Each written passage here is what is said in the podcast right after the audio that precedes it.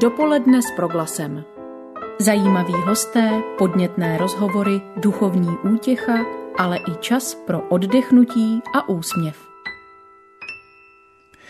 V dnešním vysílání dopoledne s proglasem vás vítá Martin Weisbauer ze studia Hradec Králové. Dnes se budeme věnovat tématu, které bývá často bráno jako téma letní, i když tomu tak nemusí vždycky být. Budeme si totiž povídat o svatojakubské poutní cestě. Takzvaná Camino de Santiago patří mezi nejznámější pěší tury na světě a dostává se jí v poslední době i u nás stále větší obliby. Z celé Evropy se cesty zbíhají na španělských hranicích, odkud vedou do Galície ke hrobu svatého Jakuba Většího ve městě Santiago de Compostela. Také zdejší katedrála je jedním z nejvýznamnějších poutních míst křesťanského světa vůbec. Zajímavostí je, že poutní cesta byla vyhlášena Evropskou kulturní cestou a roku 1993 je na seznamu světového dědictví UNESCO. Přeji vám tedy všem, kdo posloucháte, dobrý poslech.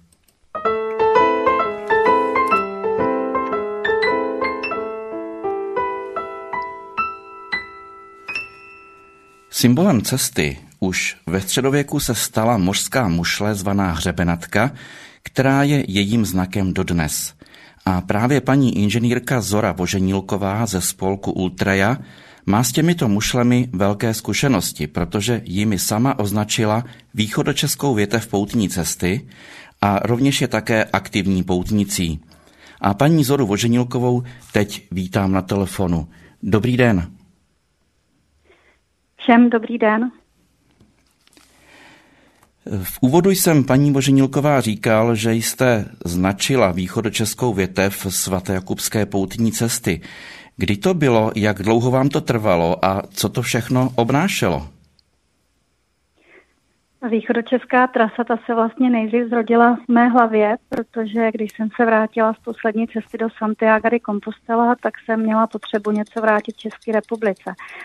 Spojila jsem se se spolkem Ultra, spolek svatojakubské cesty a v podstatě vznikla dohoda, že začneme značit po České republice několik cest a ta jedna z nich byla vlastně východočeská trasa a zpátky se vracím, mohl to být tak rok 2015-2016, kdy zpočátku jsme opravdu tou cestou procházeli, hledalo se, kudy ta cesta půjde, protože ne všude se dala kopírovat stará obchodní cesta. Někde cestou už byly areály podniků, které se museli složitě obcházet, nebo přes řeky nebyla silnice a tak podobně. Takže jako nejvýhodnější se jevilo v podstatě se připojit na stezky trasy klubu českých turistů. S tím, že ta východočeská trasa, ta vlastně začíná na dvou místech na Broumovsku, vedou obě jedno z polského poutního města Křešov a přes Zdoňov, přes Meziměstí směrem na Broumov a druhá ta cesta vlastně navazuje z Vambeřic do Broumova. A pak už se přes ty východní Čechy e, line krásná opravdu cesta směrem na Polici nad Metují, Červený kostelec, Fouk, Jaroměř, Královská města Hradec, pak Pardubice, navazuje Přelouč, Kutná hora. A v podstatě za Vlašimí Kácov se napojujeme na jeho českou trasu kdy celá ta trasa východočeská měří 265 kilometrů. Ta jihočeská měří 277 km, je o pár kilometrů delší, takže de facto během měsíce se ten poutník může z polských hranic ocitnout na hranicích s Rakouskem a navázat právě, jak jste zmiňoval, na ty evropské cesty, které vedou do toho Santiago de Compostela. Ano, tak určitě. Jsem na všechno odpověděla. Ano, ano, určitě, ale to nebylo jednoduché. Ta trasa je poměrně dlouhá a provázelo ji jistě řada různých jednání.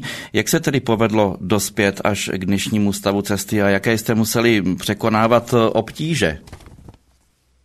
Velkou pomocí bylo to, že vlastně hnedka z počátku se připojil Pardubický a následně Královéhradecký kraj nejenom s finanční podporou, ale hlavně s tou psychickou podporou, kdy bylo nutné navštívit všechny starosty obcí na trase, v čem vysvětlit, o co se jedná, že vlastně to jejich vesnicí nebo tím jejím městečkem prochází tady ta cesta, kdy Eh, Královéhradecký a Pardubický kraj vlastně poskytl finanční podpory. Podařilo se nechat vytisknout letáky, takže potom už bylo všechno snadnější. Nicméně tím nejdůležitějším mezníkem bylo to, že se podařila podepsat dohoda s klubem českých turistů a mohli jsme značit mušličkou takovou samolepkou asi 2x2 cm na jejich rozcestníky. Takže to byl obrovský posun ku předu. Jste... Protože zpočátku já jsem tu cestu si značila, takže jsem třeba omotávala na tom Broumovsku si modrou a žlutou nit, abych pak zpátky trefila, kudy to prochází, protože kolikrát na těch pastvinách, kde vede několik cestiček, jsem si nebyla jistá. Cestou do teďka můžou poutníci najít ještě provizorní značení, který je ve formě žluté šipky, na který je právě nalepená ta mušlička. Všude bylo potřeba získat povolení majitele toho daného, já nevím, odpadkového koše, toho daného plotu, toho daného zábradlí, aby jsme někde nenarazili na nějaký problém. Je milý, že se doteďka vozívají vlastně lidé na trase, že třeba mění laťku na plotě, aby jsme jim znova poslali to značení, protože tím starým plotem to značení vlastně zmizí. Takže doteďka pořád jsou s námi někteří majitelé tímto způsobem v kontaktu. Nicméně platí už to značení na těch rozcestnicích klubů českých turistů. Vy jste vlastně tu trasu východočeskou, dalo by se říct, vybudovala od píky. Setkala jste se také s nějakými negativními reakcemi při vytyčování té cesty v minulých letech? No, někdy to bylo takový docela zajímavý, protože mě opravdu hnali od plotu, že nechtějí nic mít společného s církví nebo s nějakým jakoby světkem od eh, Jehovu. Někdy mě taky podávali informace, jaký jsou vodečty plynu a tak podobně, takže já už jsem pak říkala, že jsem z klubu českých turistů a že se jenom potřebuju na něco zeptat. Co možná stojí za to zmínit, na tu svatojakubskou cestu se vydávají vlastně poutníci z různých důvodů a zhruba tak třetina vychází z náboženských důvodů a ty dvě třetiny už tam potom vycházejí, protože se potřebují sklidnit, protože se potřebují pročistit hlavu, protože prostě mají zájem o historii, mají zájem o kulturu, mají zájem o přírodu. Jsou to lidi, kteří jsou nějakým způsobem hluboce jakoby napojený na to prostředí, kudy ta trasa prochází, protože jak jsem zmiňovala, na té východočeské trase je spousta klenotů. Nejenom, že je tam řada eh, památek chráněných UNESCO, jako je Kux. Pak když budu pokračovat dál, tak to je vlastně nově Kladruby nad Labem, Kutná hora. Ale je tam řada kostelů a v podstatě během uplynulého období se vozívaly obce, které mají kostely svatého Jakuba, že by rádi, aby jejich vlastně obcí procházela trasa, takže bylo složitější vysvětlovat, že to nejde. To jsem se vás právě chtěl zeptat, té... kudy, kdo vlastně určoval, kudy ta trasa povede, jak teď eh, říkáte?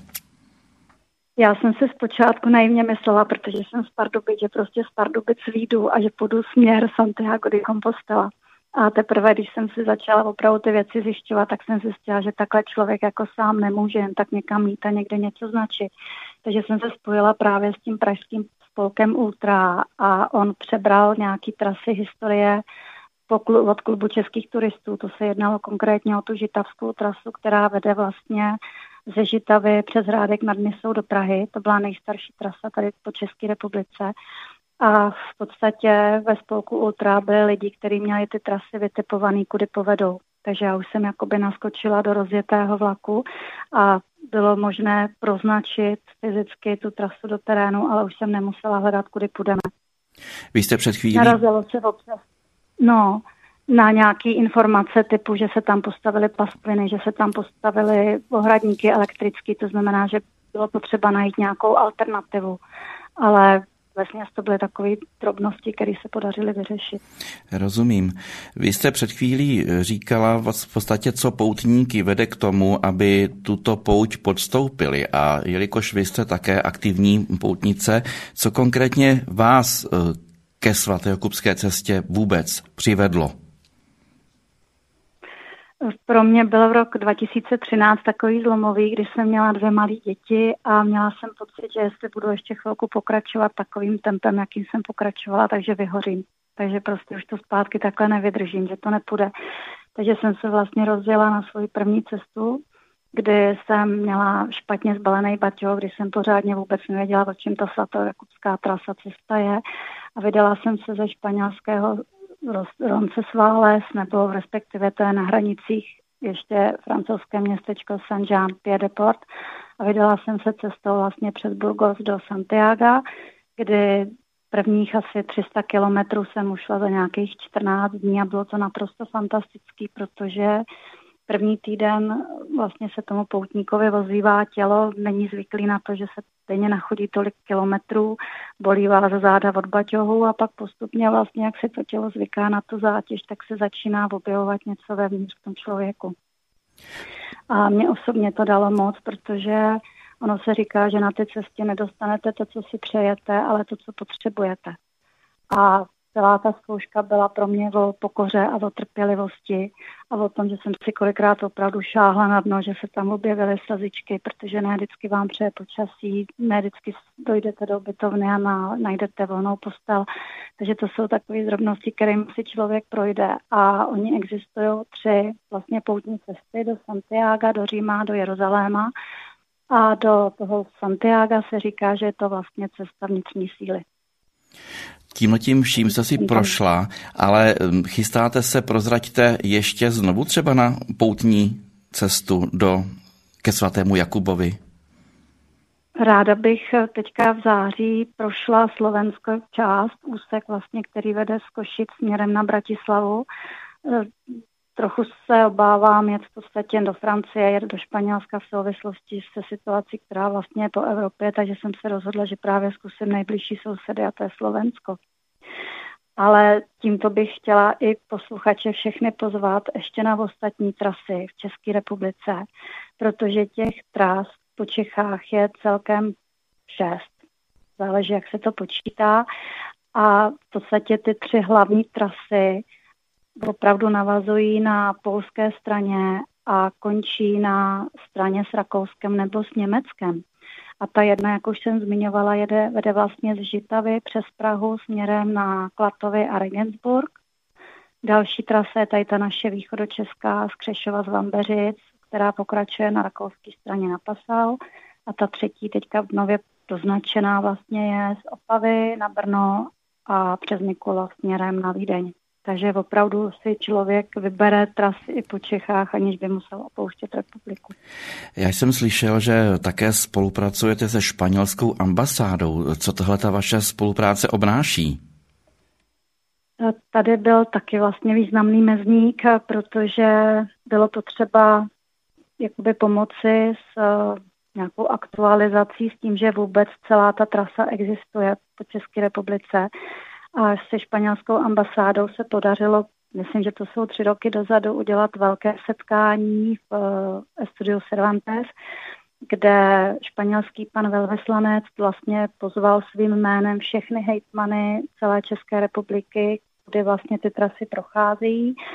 Současně tam přijeli zástupci destinačních společností nebo infocenter plus jakoby nějaký význačný body, co jsou na trase, takže se tam setkalo asi nějakých 120 lidí, kdy jim byla vlastně prezentována tato cesta, bylo jim prezentována vlastně důležitost toho, že ta cesta prochází jejich místem, protože jedna věc je značení pouze na rozcestnících klubu českých turistů a druhá věc je nutnost a taková důležitost místních, protože poutník, když putuje, tak si cestou potřebuje odpočinout. To znamená, že uvítáme lavičky, uvítáme možnost napustit třeba si pitnou vodu do lahvičky, aby se nemusela kupovat. Oslovila se církev tady v České republice, jestli by bylo možné otevřít kostely na trase, což se teda nepodařilo. Nicméně ta spolupráce těch místních je velmi důležitá, velmi potřebná. A toto všechno se vlastně odehrávalo i za pomoci toho španělského pana velvyslance. Ano, ano. A co jsem nezmínila, vlastně na východočeské trase byly odhaleny čtyři poutní, takové jako kameny, menhiry. Jeden v červeném kostelci, následovala Jaroměř, následovala Přelouč a potom byla velká taková deska s uh, informací Santiago de Compostela počet kilometrů odhalená před zámkem v Pardubicích a tohoto odhalení se zúčastnil i španělský pan velvyslanec. Paní Božnílková, dovolte mi ještě poslední otázku. Pokud se budu chtít na pouť vypravit nebo někdo z našich posluchačů, kde najdu aktuální informace? Záleží, odkud se budete chtít vypravit, s tím, že všechna velká města, to znamená Hradec, Pardubice, Jaroměř, Stolice, mají infocentra. A v těch infocentrech se vlastně můžete zeptat na cestu, tam by měly být vlastně kolegyně trochu proinformovaný. Měl byste dostat leták a měl byste si koupit poutnický pás. Tady bych se možná zastavila, ten poutnický pás, to je taková knížečka, kam poutníci cestou sbírají razítka. A právě na té trase byla domovena místa, kde vám ty razítka do toho pasu dají. Na řadě míst už mají opravdu razítko se svatojakubskou tématikou, to znamená, že mají razítko svatého Jakuba. Někde dostanete razítko pouze toho místa, ale infocentra, destinační společnosti, kostely, zámky, tam byste právě měli dostat to razítko do poutnického pasu a na základě razítek potom v tom Santiago de Compostela dostanete certifikát, takzvanou kompostelu o absolvování poutě. Paní Božinilko, já vám moc děkuji za velice zajímavý rozhovor a budu se těšit zase někdy příště. Naschledanou. Já přeju všem posluchačům krásný den a děkuji. Naschledanou a buen camino. Dopoledne s proglasem. Posloucháte dopoledne s proglasem, kterým vás provází z Hradce Králové Martin Weisbauer. Moje kolegyně z Královéhradeckého studia Markéta Bilohlávková natočila k dnešnímu tématu svatojakubské poutní cesty zajímavý rozhovor s poutníkem Šimonem Marušiakem. Ty jsi šel část svatojakubské cesty. Jaká část to byla? Byla to cesta mezi Burgosem a Santiagem asi 500 kilometrů. Bylo to v roce 2014. A šel jsi sám nebo jsi měl nějaký doprovod kamarády? Byli jsme dohromady čtyři lidé, kteří jsme šli pouť. Dvě kamarádky a jeden kamarád. A to jste se dali dohromady jenom kvůli té cestě, anebo jste se už znali a řekli jste si, že půjdete do Santiago? To bylo takové napůl. My jsme se napůl znali a částečně jsme se na té pouti doseznámili, protože jsme se vlastně domluvili s tím kamarádem a přizvali jsme potom naše spolupoutnice. A docela mě zajímalo, jestli se na to pout nějak připravoval. Že to má vlastně víc rovin, ta příprava, nejenom po té fyzické stránce, ale i třeba po té psychické nebo duchovní. Tak příprava na takovou to pouť byla nezbytná. Mm-hmm. Museli jsme naplánovat trasu, Museli jsme vymyslet, odkud pouť začneme, kde ji skončíme.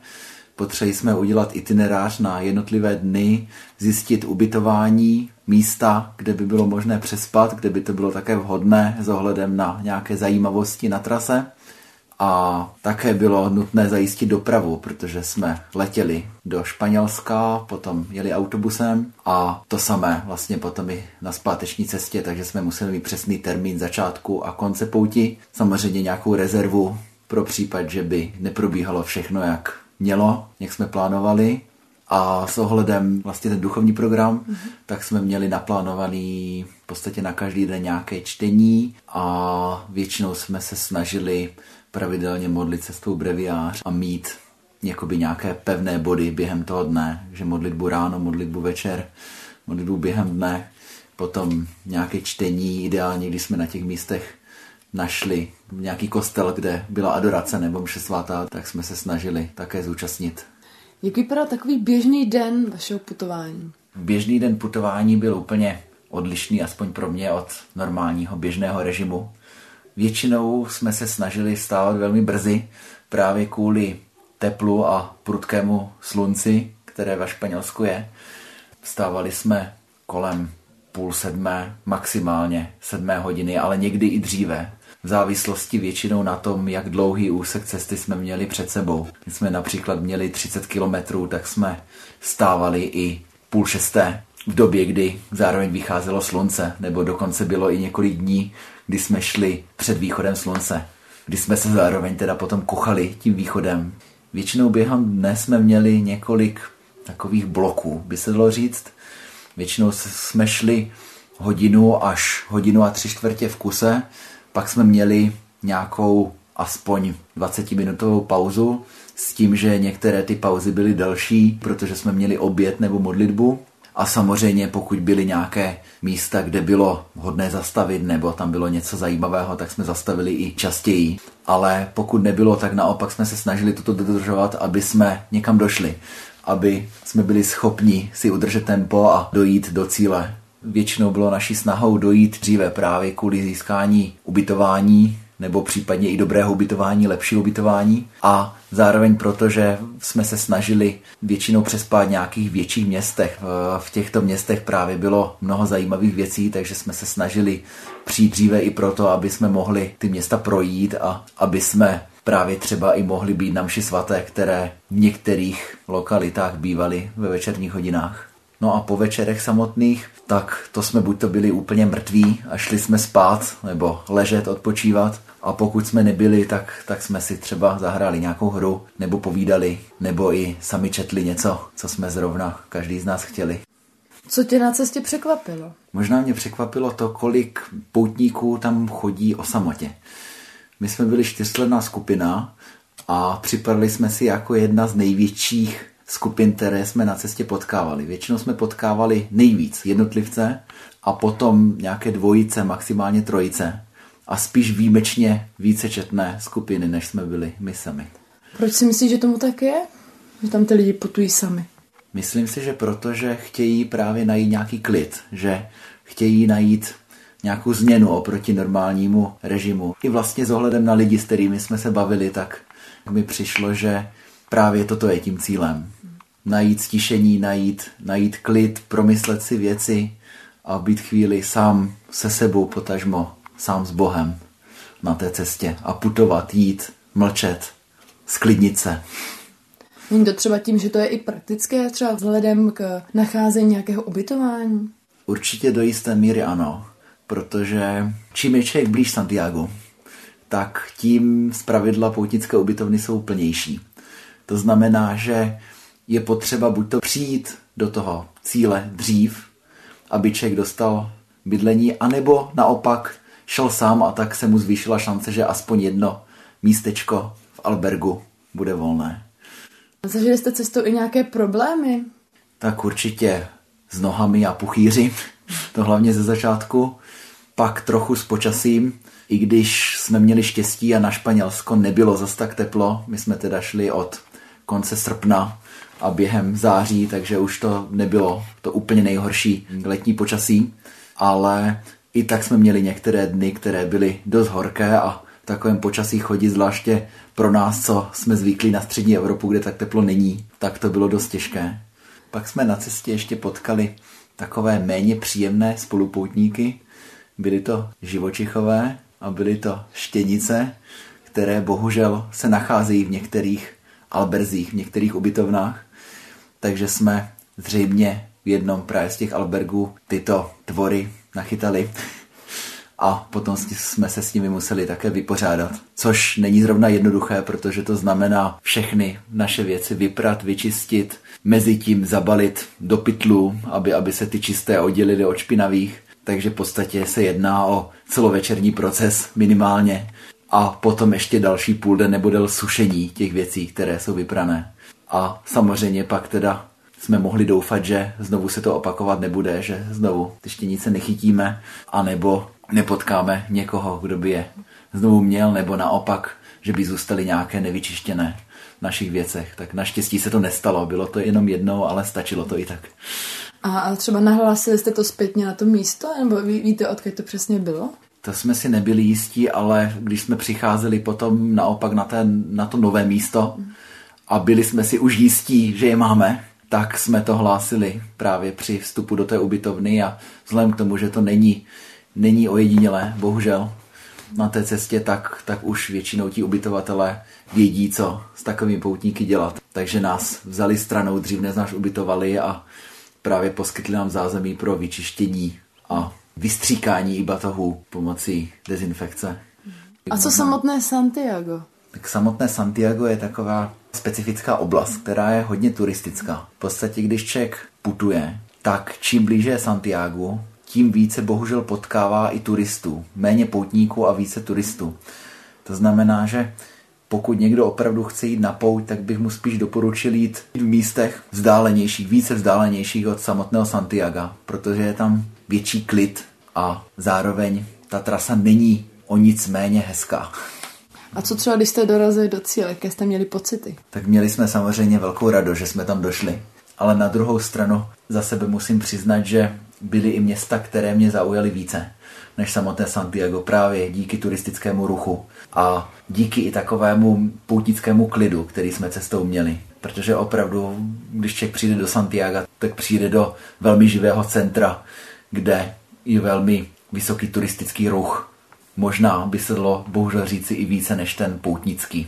Máte na putování nějakou památku?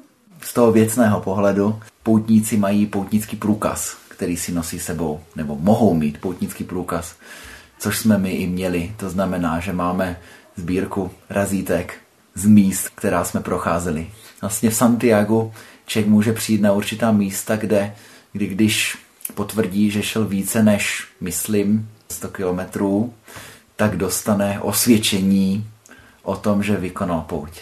Co jsi z té cesty odnesl opravdu do toho aktuálního života teďka? Co ti vydrželo? Tak určitě to pro mě byla velká změna se, se dostat na takovou pouť. A protože jsme šli vlastně tři týdny v kuse a vlastně celkově jsme na té pouti byli měsíc, protože jsme měli potom ještě takový týden na přechod mezi poutí a mezi vrácením se do normálního režimu, tak to byla určitě změna se dostat někam jinam, také přejít na úplně jiný režim. Že člověk je zvyklý z našeho prostředí, že všechno je přesně, že když se řekne, že něco začíná třeba v 9 hodin, tak to v 9 hodin začne. Zatímco ve Španělsku to tak mnohdy nebývá. Člověk přijde například na mši, je napsané, že mše svatá bude od pěti hodin a mše svatá začne od půl šesté a nikdo se tomu ve Španělsku nediví. A to určitě byla věc, kterou jsem si z té pouti odnesl, že člověk nemusí být tak svázaný těmi každodenními věcmi, které jsou na čas, ale naopak, že se může někdy uvolnit a že je to i dobré se někdy uvolnit, vypnout a sklidnit. Právě třeba na takovéto pouti, nebo i si najít nějaký čas v běžném režimu. Pokud mám říct něco o největším zázraku na pouti, tak bych řekl, že vlastně celá ta pouť byla takovým zázrakem. Už jednak proto, že jsme se sešli, že, že jsme našli společný čas a že jsme vyrazili, že se to povedlo, vůbec ten výjezd. A pak jako zázrak jsem vnímal každodennost. A setkání s místními lidmi, ale hodně také s krajinou, která je ve Španělsku opravdu krásná, nebo v té oblasti, ve které jsme šli, to znamená v severním Španělsku, ke konci cesty jsme šli Galící, která je mimořádně barvitá. Člověk jde a každý den vidí něco jiného, každý den vidí jiné barvy, vidí jiné světlo i s ohledem na počasí, potkává mnohdy i jiné města jiného charakteru.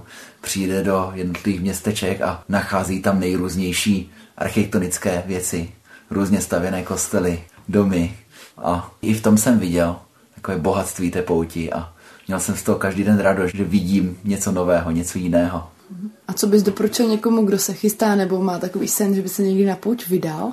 Tak určitě bych mu doporučil, aby neváhal, aby pokud tu touhu cítí, aby opravdu se na půjď vydal, protože je to zkušenost, která ho určitě duchovně i jakkoliv jinak může obohatit. A při tom plánování určitě je dobré si vymezit čas, ve kterém na tu pouť chcete jít. A také si udělat přibližný návrh trasy, aby člověk potom nebyl přetížený, aby nebyl naštvaný sám na sebe, že není schopný ujít nějakou vzdálenost, takže spíš plánovat míň kilometrů třeba za den, míň náročné trasy, než si myslí, že je schopný zvládnout, protože většinou přijdou okolnosti, které člověka spíš zpomalí, než zrychlí. To byla Markéta Bělohlávková v rozhovoru s poutníkem Šimonem Marušiakem. A tím končíme dnešní dopoledne s proglasem. Od mikrofonu se loučí a dobrý poslech dalšího vysílání proglasu přeje Martin Weisbauer. Dopoledne s proglasem. Každý všední den mezi devátou a desátou jsme v tom s vámi už 25 let.